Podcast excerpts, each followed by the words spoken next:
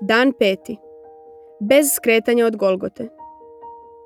Dok su bili tamo, dođe vreme da se Marija porodi i ona rodi svog sina prvenca, pa ga povi u pelene i stavi u jasle, jer za njih nije bilo mesta u gostionici.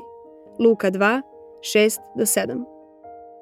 Ako Bog ima toliku vlast nad svetom da može da upotrebi popis celog sveta da dovede Mariju i Josifa u Vitlejem, onda je sigurno mogao da se postara i da za njih bude slobodna soba u gostionici. Da, mogao je. 100% je mogao. Isto tako je mogao da učini da se Isus rodi u bogatoj porodici. Isus je u pustinji mogao da pretvori kamenje u hlebove. U Gecimaniji je mogao da pozove 10.000 anđela u pomoć. Mogao je da siđe s krsta i da spase samog sebe.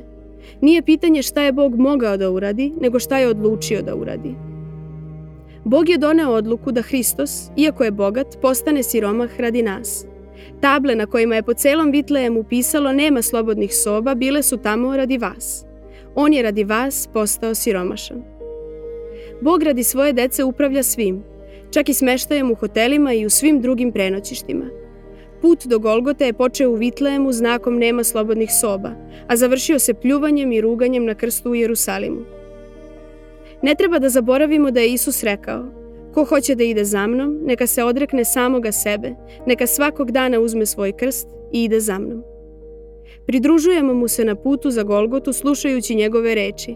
Setite se izreke koju sam vam kazao. Sluga nije veći od svog gospodara. Ako su progonili mene, progonit će i vas.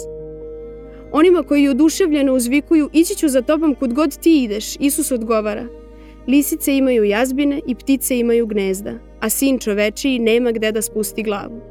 Da, Bog je mogao da se postara da se Isus rodi u sobi, ali to bi bilo skretanje od Golgote.